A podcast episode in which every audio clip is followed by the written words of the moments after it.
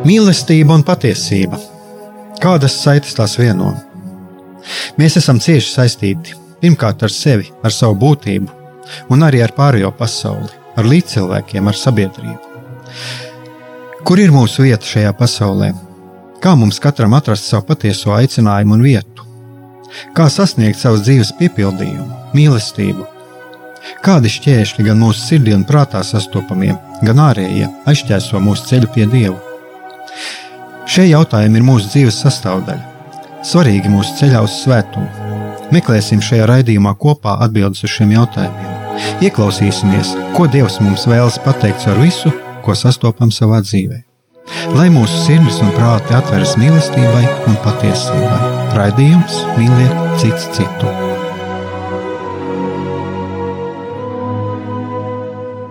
Lai top slavēts Jēzus Kristus, esiet sveicināti, darbie radioklausītāji! Šis ir raidījums Mīliet cits citu, un šī jau ir trešā reize šādā video formātā. Ceru, ka jūs arī šodien mūs redzat.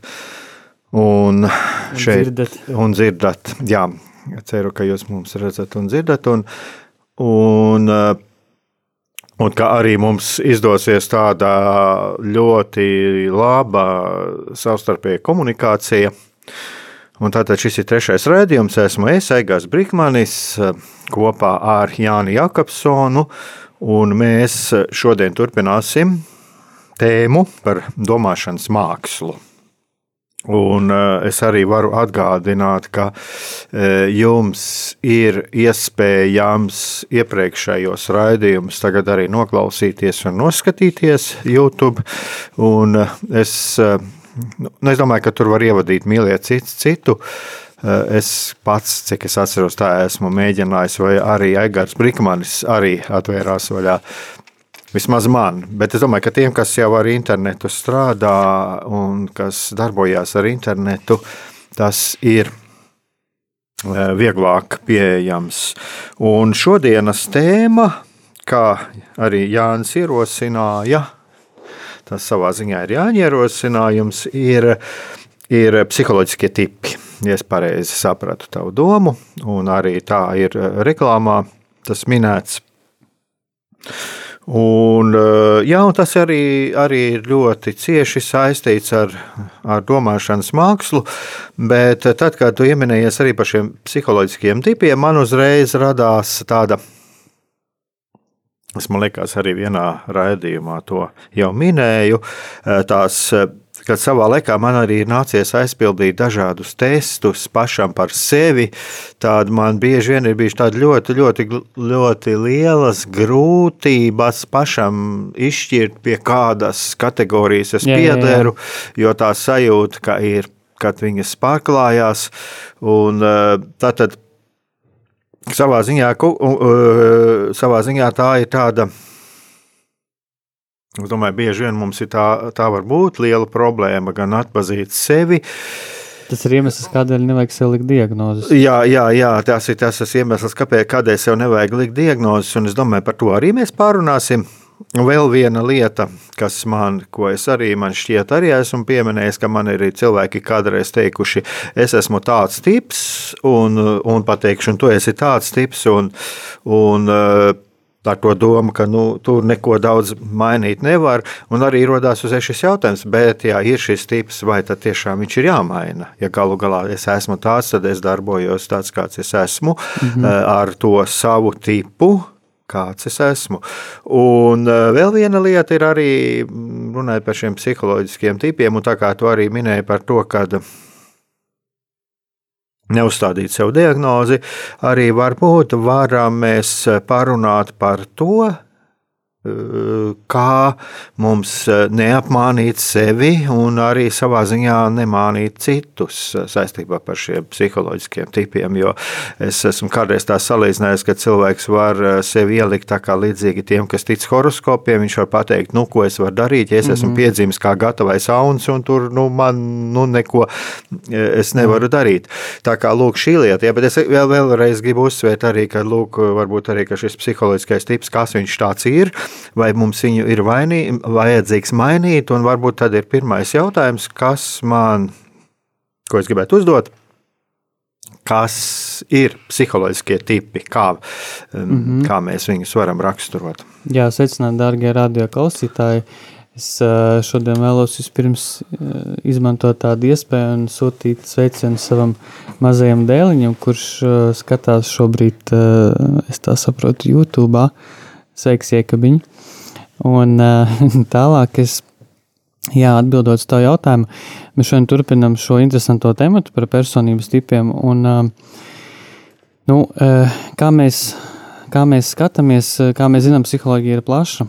Mēs varam skatīties dažādi uz, uz to, kā dažādas pieejas interpretē personības tipus, bet ja mēs ņemam to, kas man ir vistuvākā un to, kuru es tā teikt studēju, tā ir tāda psihoanalītiskā pieeja un tā ir vissenākā, kuru attīstīja Freids. Un, kā mēs zinām no, no Freida biogrāfijas, viņš, kāpēc viņam vispār radās interese par psiholoģiju un konkrēti kā viņš atklāja psihoanalīzi, savu to uh, psiholoģijas virzienu, uh, bija tā, ka um, Rietumē Eiropā uh, tajos gados, tas sanāk ir apmēram 20. gadsimta sākums, bija ļoti daudz sieviešu ar uh, ar histēriskām pazīmēm. Tad daudzām sievietēm bija histērija. Ja? Un, nu, tur bija savs tāds vēstures, teiksim, tas. Um, kā teikt, vēstures iemesls, ja, jeb tā, tas laiks, kurā cilvēki dzīvoja, kāpēc uz to brīdi bija aktuāli tieši šāds personības traucējums, kā histēriska personība. Jā, piemēram, tagad, ja mēs paskatāmies, mums vairāk dominē tur visādas veģetīvās distonijas, depresijas, jā, ne tikai kas ir, ne tikai kas ir in, in, inogēnas, nu, tā teikt, ar kurām mēs jau piedzimstam ar noslēci, jā. Uh, bet tādas, kuras jau veidojas nu, dzīves laikā, tās depresijas. Un... Tad ir man uzreiz jautājums, vai mēs varam arī runāt, ka katram laikmetam var būt kaut kādas šīs parādības raksturīgas? Jā, jā, viennozīmīgi. Jā, vai tas ir, teiksim, jo kāpēc es arī par to tā runāju? Es zinu, ka, piemēram, bija tādi nu, teiksim, maldīgas, nepareizas argumentācijas par uh, situācijām ģimenēs, uh, Rietumē, Eiropā, dažās valstīs un tā tālāk. Un tad tur parādījās patiesībā, ka tie rezultāti ir nevis atkarīgi no tā, no faktiskās situācijas, bet no tā, cik kvalitatīvs ir pētījums. Tāpēc es, man tāds uzreiz jautājums ir par šo, par šo histēriju un par to, teiksim, depresiju. Jā. Un... jā, jā, tas ir tiešām atkarīgs no tā, Uh, vēstures kontekstu, kurā dzīvo sabiedrība. Ja, pieņemsim, uh, 20. gadsimta sākums, tas ir laiks, kad, uh, tā, kad sāk veidoties kaut kāds tas, ko mēs šodien saucam par progresu. Ja, tur sāk parādīties elektrība, mašīnas, kaut kādas pirmās lidmašīnas, kara tehnika, sāk attīstīties arī tehnoloģijas. Ja, teiksim, mēs zinām, ka Amerikā jau tur pirmie televizori bija 30. un 40. gados pagājušajā gadsimtā. Un, uh, un cilvēkiem līdz ar to ir kaut kāda psihiska reakcija uz to visu, uz jebkuru procesu, kas notiek sabiedrībā. Mums kā sabiedrība ir kaut kāda reakcija. Un tajā brīdī uh, sievietes, ja tā teikt, slimoja no šīs histēriskā uh, personības traucējuma, ja, kas izpaudās kaut kādās, uh, pieņemsim, nekontrolējamās dusmu lēkmēs, kas izpaudās kaut kādā uh, pavadinošā uzvedībā vai pavadinošā izskatā. Tur ir ļoti daudz dažādu simptomu, kas ir uh, šim personības tipam. Bet, ja atbildot uz to sākotnējo jautājumu par to, kas ir personības tips, personības tips tas ir um, veids, kā mēs uztveram pasauli, kā mēs to redzam un kā mēs šajā pasaulē dzīvojam. Respektīvi, mūsu personības tips nosaka to, kā mēs miedarbosimies ar līdzcilvēku, kā mēs attieksimies pret sevi un, eh, un kā mēs vispār redzēsim visu šo dzīvi kā tādu. Nu, eh, paņemšu tādu pavisam īsu piemēru. Ja mēs um, paņemsim uh, personības tipu, kas būs antisociālais, ja, tad, tad antisociālais personības tips, uh, tur ir uh, vairāki šie te, tā kā, uh, Tad, tad ir viens lielais antisociālais personības tips, un tur mēs varam kā vienu no šiem tipiem nosaukt, piemēram, psihopāts. Ja? Un, cik es saprotu, daudziem psihologiem ir noslēdz uz to, ka piemēram, Hitlers bija psihopāts. Ja? Tāpēc, ka psihopātiem ir raksturīga uh, lieluma mānija. Viņiem ir šī iekšējais grandiozais es, ja, ka gribās būt varenam, un, un gribas būt par jebkādu cenu varenam. Bet tad, tad paņemam šo psihopātisko personības tipu. Un, un drusku novirzījos no savas domas, bet tā, laikam, tas, ko es gribēju teikt, ka uh, tas, kā uh, cilvēks izies cauri depresijai, piemēram, uh, psihopāts, atšķirībā no histēriskās personības, būs pavisam dažādas depresijas tas, nu, uh, secība, jā, tā, kā viņa noritēs. Uh, ja, piemēram, cilvēkam ar psihopātisko personības tipu, viņam uh, būs e, iekšēji agresīvs uz sevi un uz ārējo pasauli. Viņš vainos citus, ka viņš e, pieņemsim, ir e, depresijā, ja? viņam būs kauns par to, ka viņš ir depresijā. Tad, pieņemsim, cilvēkam ar histērisko personības tipu, viņam tieši otrādi. Viņam gribēsies, lai viņam kāds palīdz. Tas būs vairāk uz ārienu vērsts tāds sauciens pēc tā, ka man ir depresija, man ir grūti, palīdziet, savāciet mani, paceliet mani, nu un tā tālāk. Nu, jā, vienā sakot, personības tips tas ir, eh, tas ir mūsu personības veids, kā mēs šajā pasaulē esam, kā mēs visu uztveram un kā mēs eh, vienkārši visu redzam. Ja? Un, un šeit ir pats interesantākais, ka tas, kā mēs arī uh, uztveram garīgo dzīvi, kā mēs uztveram dievu un ticību un, un baznīcu un to, ko baznīca mums saka, tas ir īstenībā ļoti atšķirīgi katram no mums, jo mums ir eh, katram šis atšķirīgais personības tips.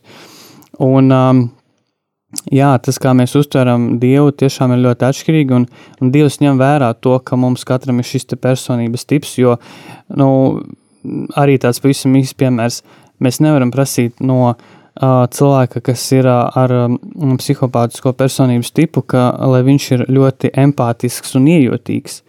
Un mums var rasties kā kristiešiem jautājums, bet kā, nu, Dievs taču aicina visus, eh, lai, lai mēs būtu mīloši pret otru un, un tā tālāk.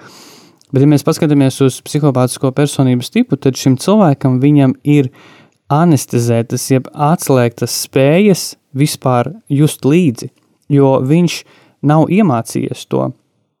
Eh, psiholoģija ir tāds termins, ko sauc par spoguļošanu. Un spoguļošana tas ir tas, kad, kad mēs kā bērni uh, Tātad mācāmies emocijas, mēs vērojam mūsu vecākus. Piemēram, ja mēs smaidam, mūsu vecāki smaida mums pretī un saka, mīļais bērniņ, tu šobrīd esi priecīgs, tur malecis. Ja? Un tad mēs saprotam, ā, mēs esam priecīgi. Pieņemsim, ja mamma raud, tad mamma tā kā iemāca bērnu saprast, ka mamma šobrīd raud un ka viņa ir bēdīga un ka tādā stāvoklī uh, nu, viņai tur jājūt līdzi, vai nu, mammai ir grūti. Un bērns to spoguļo.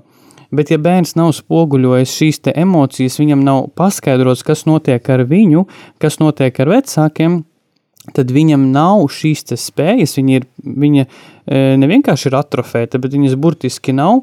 Viņš neizprot, e, kas ir tā pati empātija. Ja, ja kādam cilvēkam ir slikti un, un, un, e, un psihopāts to redz, viņš var vienkārši. Uh, Viņš var vienkārši nu, padomāt, nu jā, viņam ir slikti, man tagad ir jāraud, nu nē, tā kā, un, un viņš nespēja just līdzi. Jā. Līdz ar to uh, jautājums, jā, kā šādam cilvēkam funkcionēt, jā, jo nu, mēs zinām, ka labā vēstnie ir domāta tik vienam cilvēkam. Dievs nevienu neizslēdz, nevienu personības tipu neizslēdz no sava pestīšanas plāna. Jautājums, kā šādam cilvēkam uz, uzņem šo labo vēsti un, un um, kā mācīties šo vispār spēju just, tas ir izaicinājums. Jā, es domāju, ka tagad mēs varam paņemt muzikālu pauzīti un tādu turpināt. Slavas lai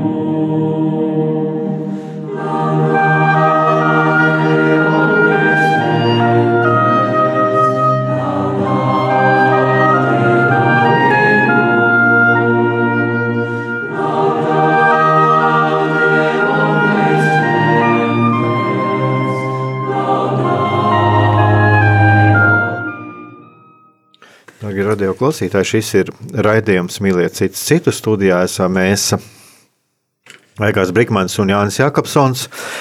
Un pirms muzikālās pauzes Jānis runāja par to, ka šiem cilvēkiem, šajā gadījumā par šiem psihopātiem, ka viņiem nav attīstīta šīs empātijas izjūtas, un ka tur ir ļoti, tātad es sapratu to, ka tu runāji par to, ka ļoti svarīga ir tā bērnības pieredze, ka šis bērns saprot, ka mamma, viņš redz, ka mamma raud, un, un viņš mācās just līdzi.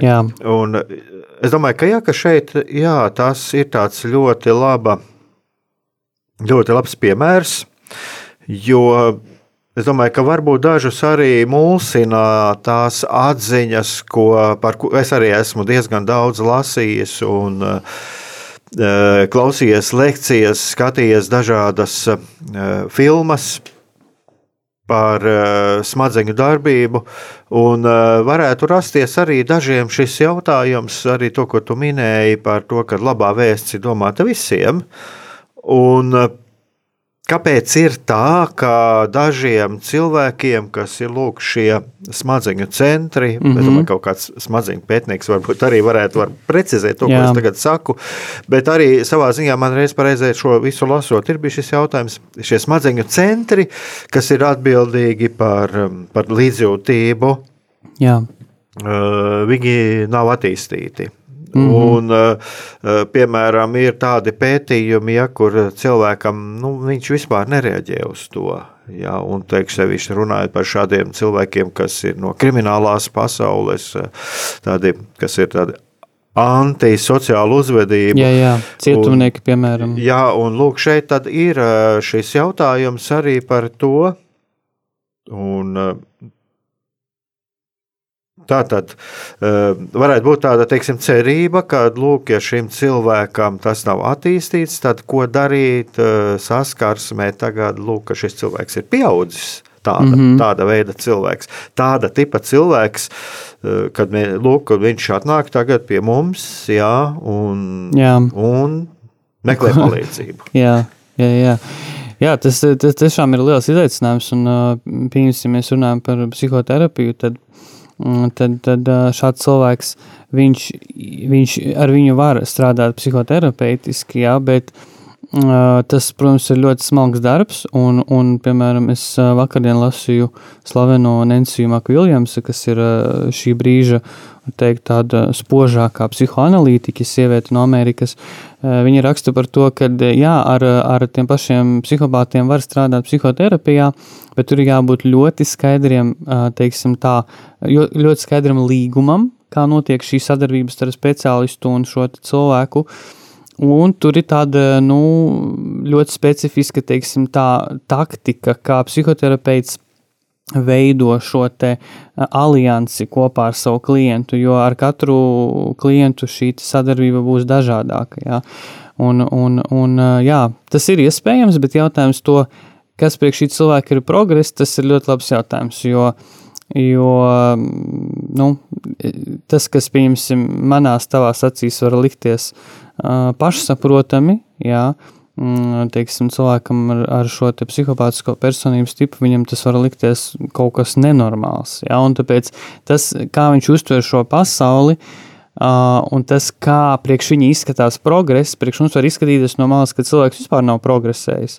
Uh, pieņemsim, priekš viņa, ja viņš vairāk uh, katru dienu tur, nezinu, tur netur aizdomās savus kaimiņus vai uz kādu nelamājas, tas jau ir progress, jā, teiksim, varbūt uh, lielākais dzīves progress, kādu viņš ir varējis sasniegt, jā, jo skaidrs ir viens, ka cilvēks, kas izaug ar šādu personības tipu, viņš jau viņu, uh, viņš jau viņu saņem, ja tā kā kaut kādu iemeslu dēļ. Un, un šeit mēs varam runāt par to, ka šāds bērns ir bijis audzis ļoti neparedzamos apstākļos, kur ir bijusi gan fiziska, gan emocionāla vardarbība.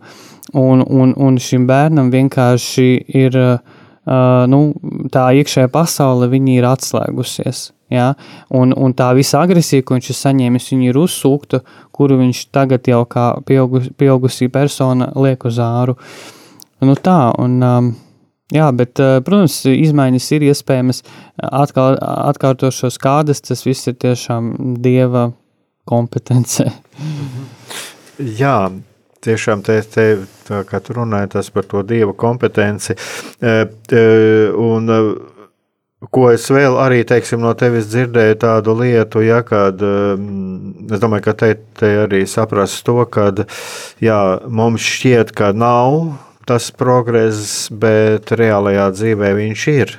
Jā, jā, jā. Viņš ir, jā, un tas, kas mums liektos, varbūt tāds sīkums. Es domāju, ka šeit ir arī ļoti, ļoti labi, ja mēs spējam pamanīt tās izmaiņas cilvēkā. Jā, kā tu teici, viņš jau tad, kad viņš jau vairs netur aizdomās kaimiņus, kad viņš, mm -hmm. kad viņš nelamājās. Jā. Un šeit es domāju, ka vēl viena tāda Laba lieta, kas varētu būt, kas ir arī saistīts ar šīm domāšanas prasmēm, ka šis cilvēks, es atkal saku, šajā gadījumā tā ir tas, ko tu runā par, par psihoterapijas jomu. Ja, ka viņš, viņš arī sāk pamanīt, ka kad viņam tā dzīves kvalitāte izmainās, un tad arī viņam radās vēlmes, viņam radās ticība. Jā. Viņam radās ticība. Un, un tad viņš arī vēlās mainīt šo savu domāšanas virzienu un Jā. meklēt šo iespēju, kā iziet no tā, no tā apļa, no tā burbuļa, mm -hmm. kurā viņš ir gadiem ilgi līdz šim dzīvojis jo viņš pēkšņi piedzīvo kaut ko tādu, ko viņš varbūt, kam viņš nav ticējis. Viņš jā. nav ticējis, ka viņu var mīlēt, ka viņu var jā. pieņemt, ka viņu var, ka viņš var mīlēt. Jā. Un arī, ka viņš var mm -hmm. mīlēt. Mm -hmm. Tas ir atkal kaut kāds solis tālāk, kad cilvēks jā. pēkšņi arī pats var sajust kaut kādu, kaut kādu mīlestību. Mm -hmm. Jā, tā kā Tā ir arī tāda viena būtiska lieta, un otrs ir arī tas, ka jā, šie cilvēki baidās mīlēt, un viņi baidās pieņemt mīlestību, ja viņi neusticās. Mm -hmm. Un, jā, tā, kā, tā es domāju, arī tāda ļoti interesanta lieta. Un, un jā, kas Es atkal saku, šeit mazliet būtu tiešām interesanti arī parunāt, tiešām, kas pēta tīri arī visus šos procesus, kas notiek smadzenēs. Neirozinātne. Jā, jā neirozinātne un kā tad izmainās šī smadzeņu, smadzeņu darbība, jo, jo es saku, ir ļoti daudz par to mm, konkrēto situāciju, kā, kādas ir lūk tādam un tādam cilvēkam, kā viņām darbojās smadzenes, jā. bet jā, tiešām es domāju, ka arī šis mūsu profils, ko šeit mēs darām, tas ir arī vairāk eh, pameklēt šo ceļu, kā iziet no šīs situācijas, jo pretējā gadījumā mēs, kā tu teici, mēs eh,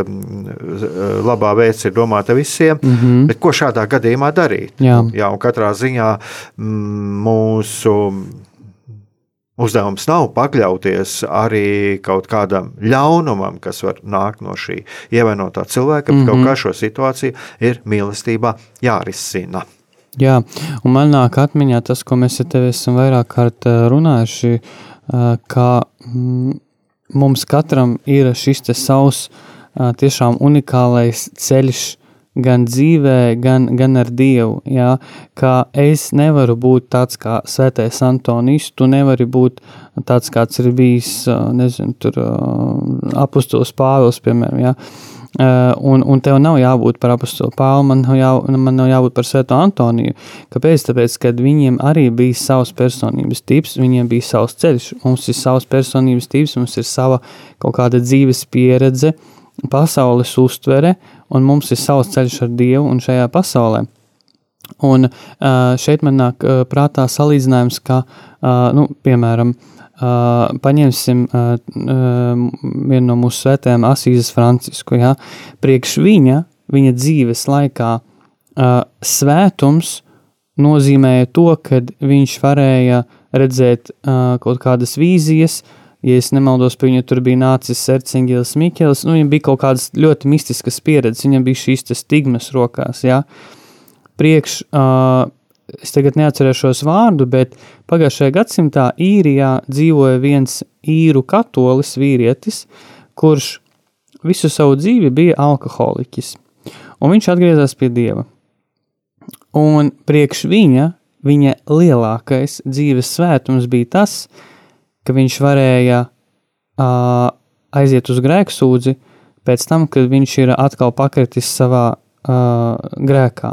Tātad viņš piedzerās, viņš kādu laiku noturās, pateicoties lūkšanai, uh, stingram gavēnim, un tad viņš atkal uh, pakrīt, sagrēko, piedzerās, un viņš atkal iet uz grēks. Uz, un tā viņš dzīvo visu savu dzīvi, un, uh, un viņš nomira, uh, izsūdzēdams savus grēkus, nomira vienotībā ar Dievu, un priekš viņa tas ir viņa lielākais svētums, ka viņš varēja šo ceļu cīnīties un galu galā iemantot, uh, kā mēs sakam, kroni no Dieva. Ja?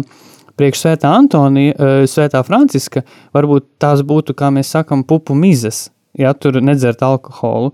Priekš viņa bija kaut kas cits, līdz ar to mēs nekad nevaram sevi salīdzināt ar otru cilvēku, uh, kāds ir otrs, tā teikt, svētumā, un kāds esmu es, jo man ir mans svētuma ceļš.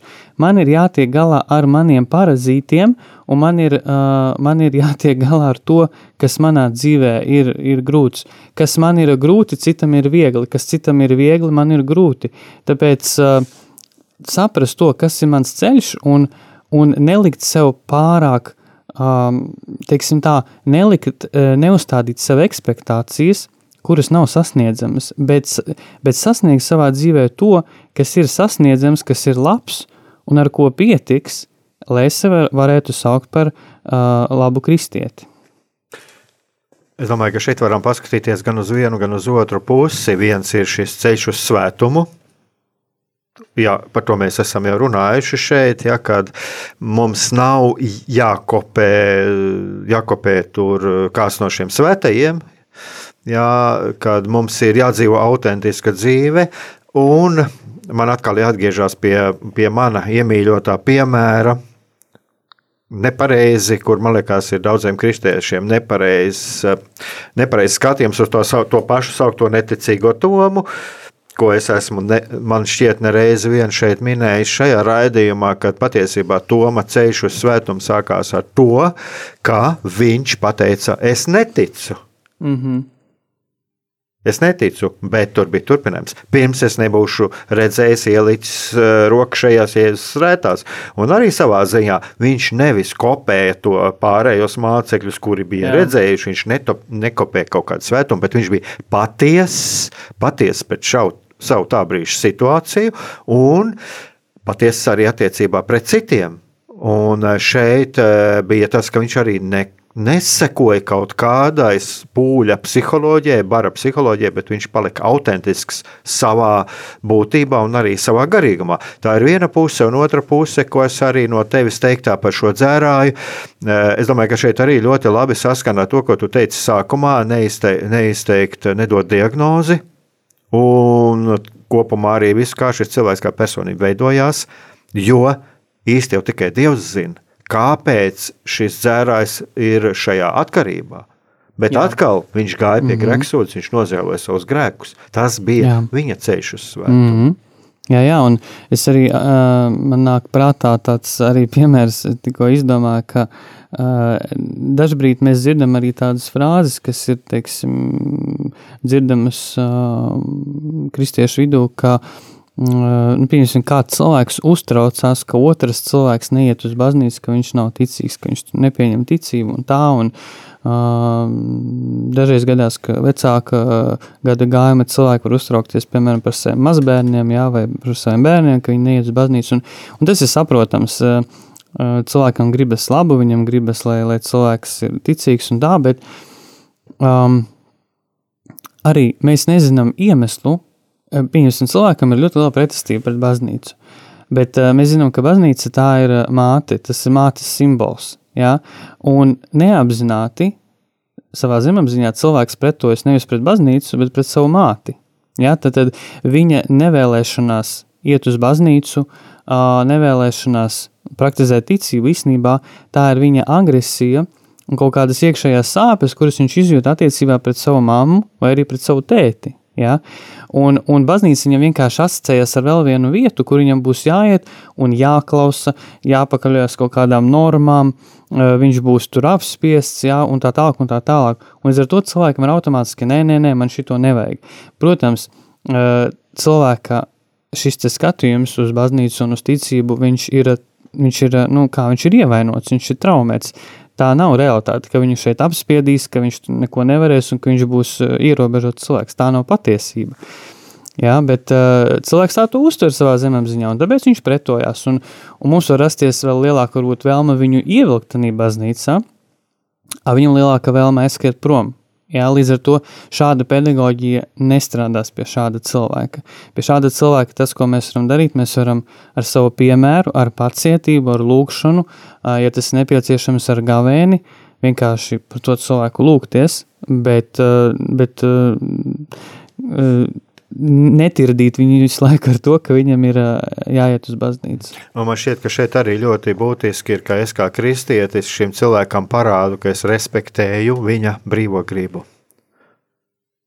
Jā, jā, viennozīmīgi. Un tagad es domāju, ka mēs atkal varam paņemt kādu muzikālu pauzīti, un tad varbūt atgriezties atkal tiešām tā, m, pie šiem tipiem pie šiem Jā. personības tipiem. Bet uh, es domāju, ka šeit jau arī bija tāds, uh, kā, tāds kā ieskats, arī kā šie personības tipi funkcionē, funkcionē mm -hmm. un kā, kā arī funkcionē.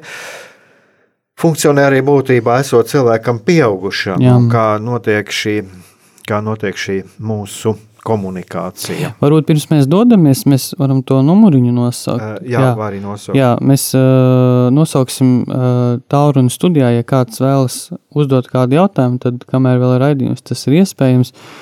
Uh, tad, tad numurs būs 67 969 131 67 969 131 vai arī varat atsūtīt jūsu īziņu uz numuru 266 77, 272, 266, 77, 272.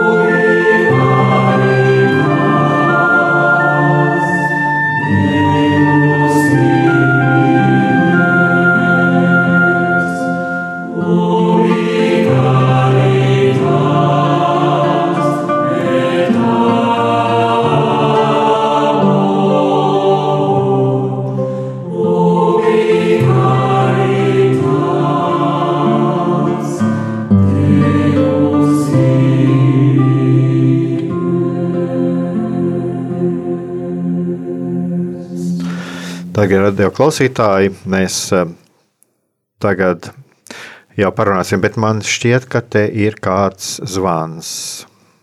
Varbūt mēģināt. Spietu, es nemāku. Halo? Mūžīgi mūžos slavēts.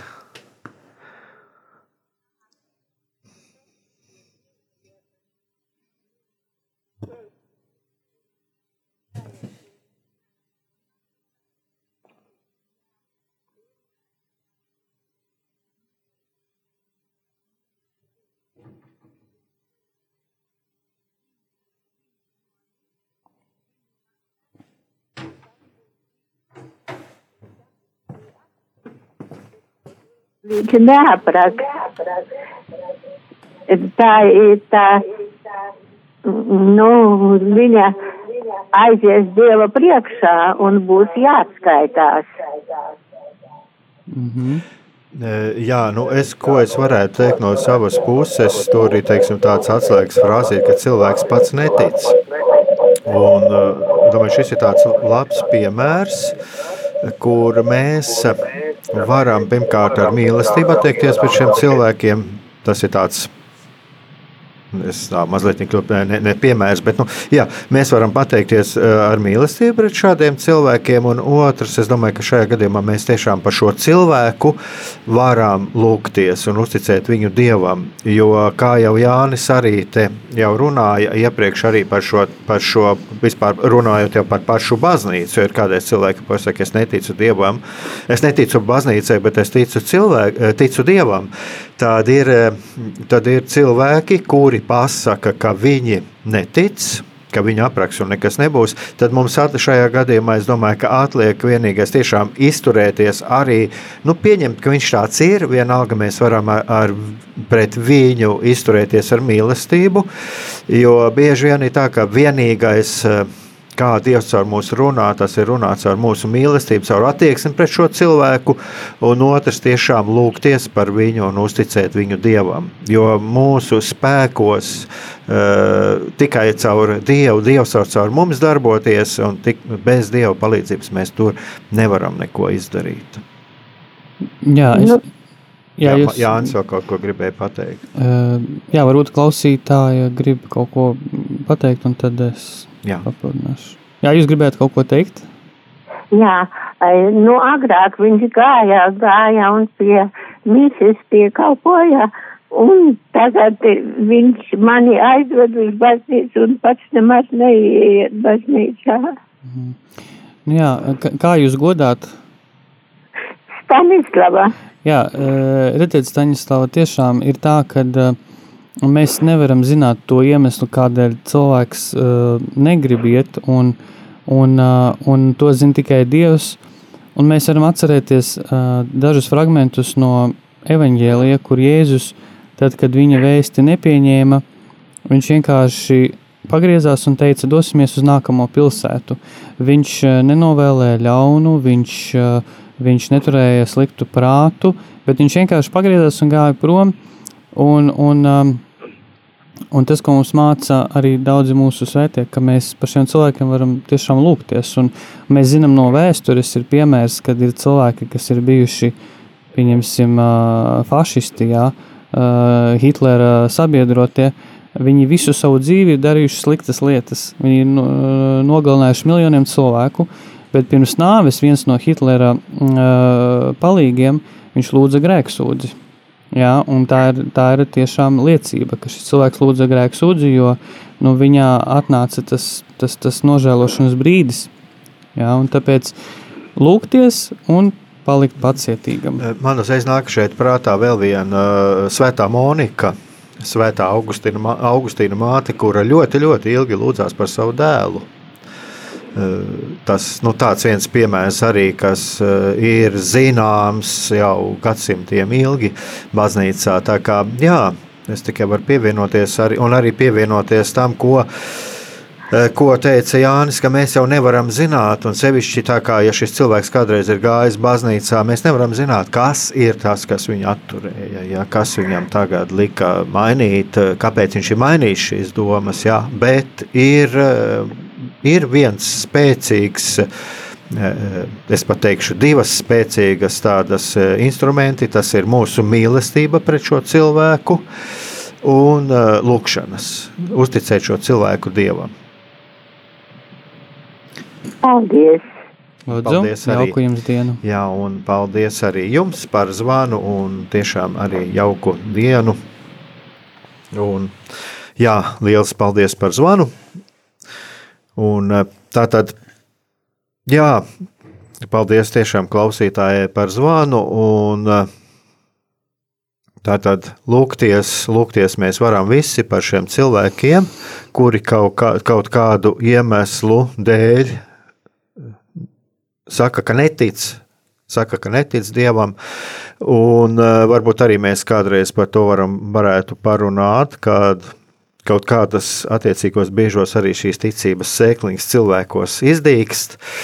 Bet uh, skatos, jau mūsu raidījums jau pamazām tuvojās jau noslēgumā, bet varbūt Jāni tomēr varam arī mazliet kaut vai nosaukt šos personības Jā. tipus un tad, kad nākamajā Jā. reizē varbūt mēs arī varētu Jā. kaut kam vairāk tam pievērsties. Jā, es uh, nosaukšu personības tipus, tad, tad mēs, varam, uh, mēs varam iztēloties, ka mm, personības tipi dalās tādā, tādā trijā, trīs kolonās. Ir uh, A kolona, B un C. Un tad, tad uh, pie A kolonas uh, tas būs tāds, uh, tas tad, tad būs personības tipi, kurus mēs saucam par uh, paranoidālo personības tipu, tad eh, šizoīdo personības tipu un eh, šizotipālo personības tipu. Jā, tie ir tādi trīs lielie. Tad pie B, pie B kategorijas mēs saucam šo B kategoriju par tādiem dramatiskiem, emocionāliem, tādiem uz āru vērstiem personības tipiem, un tie būs tātad uh, robežu personība, tas būs narcisistiskais personības tips, tas būs uh, histēriskais un um, antisociālais personības tips. Un pie C sadaļas mēs uh, varam ievietot tātad, um, kā iztulkot pareizāk, tas būs obsesīvu kompulsīvais personības tips, tas būs atkarīgais personības tips un izvairīgais personības tips. Tad, tad kopumā mums ir apmēram 9-10 personības tipi, un katrs no šiem tipiem savā veidā funkcionē šajā pasaulē un šo pasauli uztver, un kā mēs jau arī secinājām, ka katrs no šiem personības tipiem uh, uztver ticību ar to savu iekšējo pasauli. Jā, un šeit es arī varbūt varētu piebilst arī to, ka uh, visi šie personības tipi, uh, viņi ir respektējami, Jā. Viņi ir respektējami, un uh, tas ir ārpus, uh, ārpus kādiem morāliski vērtējumiem, vērtējumiem kritērijiem. Vienkārši viņi ir. Jā, viņi vienkārši Jā, ir. Viņi mm -hmm. vienkārši ir. Uh, otrs ir tas arī, ko Jānis teica sākumā, ja, lai mēs neuzstādītu diagnozi. Es domāju, ka tur arī ir To arī jāņem vērā, ka nevajag uzstādīt diagnozi, izdarīt kaut kādus eh, morālus vērtējumus.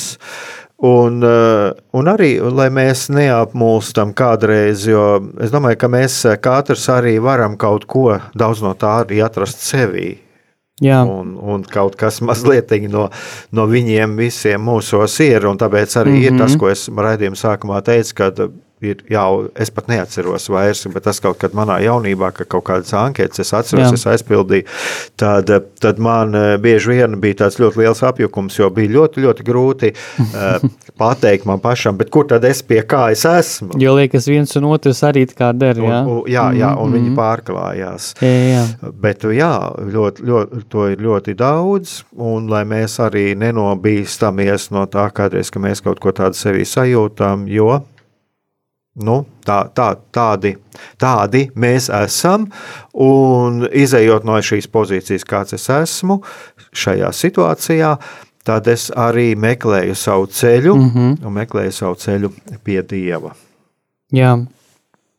Jā, jā, piekrītu tev, un es no savas puses pirms nobeigt pavisam īsi gribu nolasīt kādu citātu, kuru es šodien ievietoju Facebookā, internetā, savā profilā, un šis citāts viņš skan šādi. Ja tu nekad nebija mīlēts vienkārši par to, kas tu esi, tev būs grūti mīlēt otru vienkārši par to, kas ir viņš. Ja? Un man liekas, ka šis citāts ir ļoti labs treniņš priekš mums, tādā ziņā, ka ja mēs nevaram pieņemt kaut ko otrā cilvēkā, vienalga, kas tas būtu, tad tas parāda iespējams, parāda to, ka mēs arī nespējam pieņemt kaut ko sevī. Un, ja mēs nespējam kaut ko pieņemt sevī, tad mēs uh, nereti vien esam naidā un tādā karā paši ar sevi. Tā vietā, lai meklētu veidu, kā dziedināt sevi. Ja? Un, un uh, šis citāts arī parāda to, ka mēs nevaram šajā dzīvē izdarīt neko no sevis, kas nav bijis mūsu pieredzē. Ja es nezinu, kā ir noskriet 10 km maratonu, es to vienkārši nezinu. Es zinu, kā ir noskriet vienu kilometru. Ja es nezinu, ko nozīmē iet katru dienu uz svēto misi, uh, man nav bijis tāda pieredze, tad es to nezinu, kā ir katru dienu iet uz svēto misi. Un ja kāds no manis prasa, lai es katru dienu, piemēram, uz svēto misi, man tas liekas vājprāts. Ja? Priekš manis ir normāli vienreiz nedēļā aiziet uz svēto misi, tāpēc mums katram ir šī sava pieredze un savs redzējums, un mums ir jāizriet no tā, kāda ir mūsu pieredze, un kā mēs viņu varam darīt jaunu, kā mēs varam mainīt mūsu pieredzi, tā lai mūsu dzīve tiešām būtu, lai mēs būtu apmierināti ar mūsu dzīvi, lai mums būtu miers ar sevi un miers ar Dievu. Paldies, Jāni! Un es tagad klausījos, ko tu, nu, ko tu tikko teici, un es domāju, ka es vēl tagad šo video noskatīšos un noklausīšos, un būs arī kaut kas man pašam, lai pašam ieklausīties sevi un kaut, kas, kaut, kas, kaut ko paņemt. Un es domāju, ka arī kaut kas man pašam no tā noderēs. Un es ceru, ka arī klausītājiem noderēs, un ka klausītājiem tiešām jā, noderēs tas, ko mēs šeit runājām. Un ir tiešām ļoti labi, ka, ka mēs eh,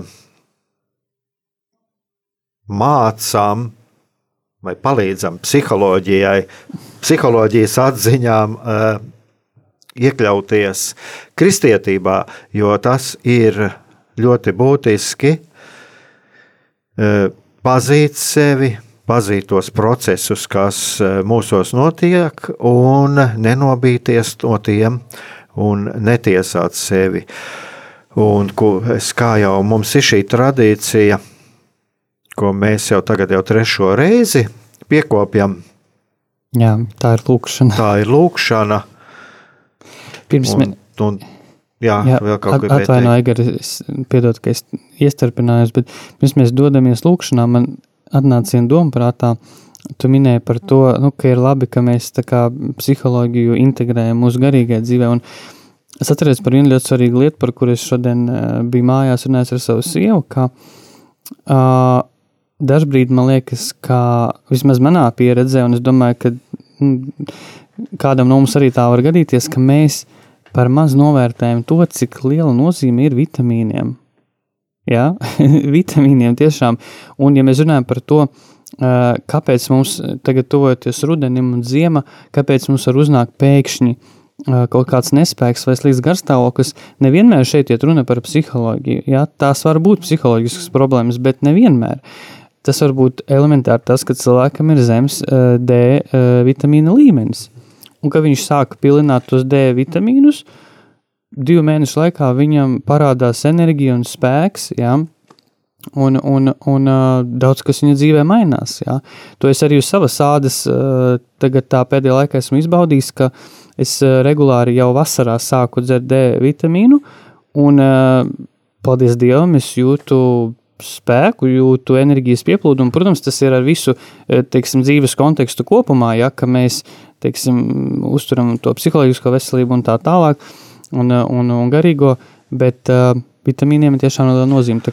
Dārgie Tu, klausītāji, pies, tu pieskaries vienai tēmai, par kuru es arī vēlēšos runāt. Tas ir par to, cik mēs varam prasīt no cilvēka kaut kādu rīcību garīgajā dzīvē, eh, kur eh, tiešām ir vajadzīgi kaut kādi palīg, blakus līdzekļi, kas pēc būtības arī ir labi, ko bieži vien arī baidās, un es domāju, ka arī daži kristieši baidās. Tā ir viena būtiska lieta, un tu runāji par vitamīniem, bet man ir arī jau šeit jau ir kaut kāda dienas kārtība arī par šo medikamentozo palīdzību, mm -hmm. kas arī ļoti svarīga, jo kaut kādās situācijās ir, mums ir ļoti svarīgi, ka tam cilvēkam, kas ir blakus, neprasīt no tā, kuru viņš tīri savu veselības apstākļu mm -hmm. dēļ nespēja veikt. Jā, Tas jā. ir tas, kam tu pieskāries, kā, kā eh, arī par šiem vitamīniem, ka Jā. kādreiz ir vienkārši uh, jāpaņem ir vitamīni, lai tā dzīves kvalitāte uzlabotos, Jā. un arī lai garīgā dzīve uzlabotos, jā. Jā, jo mēs esam ar to visu Mm. cieši saistīti. Tā kā eh, par to man jau ir šeit dienas kārtībā kaut kad arī pārunāt. Un eh, es domāju, ka tev arī kā cilvēkam, kas ar psiholoģiju saistīts, arī ļoti, svar, ļoti būtiski šīs lietas mm, arī nu, saprast, jā, un atpazīt, kurā brīdī, kur kas cilvēkam ir, Jā. ir vajadzīgs. Jā. Bet tagad gan uh, būs, jā, ir jānoslēdz mūsu raidījums, un, un noslēgsim ar lūkšanu. Mīļais debes Tēvs, mēs Tev pateicamies par šo iespēju šeit būt, dalīties, dalīties arī ar tavā, taviem augļiem mūsu dzīvē, gan mūsu pieredzē, gan mūsu zināšanās, un arī mūsu vājumā. Un esi klātesošs mums, gan mums, gan mūsu klausītājiem, un dod mums visiem šo patiesības apziņu, ka mēs visi esam mīlēti, ka tu tiešām mūs visus mīli, neskatoties no tā, kas mēs esam, pie kāda personības tipa mēs piederam, neskatoties uz to, kāda ir mūsu pieredze, neskatoties ar to, ar ko mēs iekšēji cīnāmies, kādas ir mūsu vājības, kādas mūs, ir mūsu atkarības, un tāpat arī kādi ir mūsu talanti. Mēs visi esam tevis mīļotie bērni, un tiešām dod mums šo atziņu, atver mūsu sirdis, palīdz mums atvērt mūsu sirdis, arī mūsu prātus šai atziņai, kā mēs esam tevis mīlētie bērni. To mēs lūdzam caur Jēzu Kristu, mūsu kungu. Āmen! Amen. Darbie radio klausītāji, un arī ļoti liels paldies zvanītājai, kas mums bija šodien tāds pirmā, pirmā pieredze ar zvanu. Jā, jūs mūs svētījāt ar Un, jā, un jūs pieredzi. mūs svētījāt, un jūs visi, paldies! Jūs visi, darbie radio klausītāji, esat mūsu debesu tēva mīlēti, un uz tikšanos nākamajā reizē. Atā.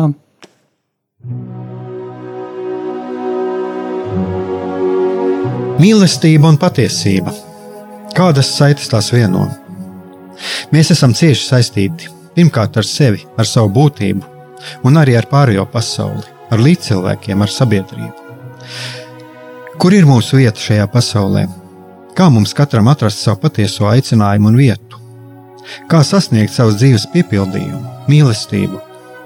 Kādi šķēršļi gan mūsu sirdī un prātā sastopamie, gan ārējie aizķēso mūsu ceļu pie Dieva?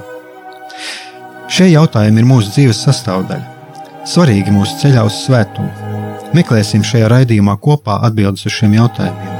Ieklausīsimies, ko Dievs mums vēlas pateikt ar visu, ko sastopam savā dzīvē. Lai mūsu sirds un prāti atveras mīlestībai un patiesībai, raidījums mīliet cits citu.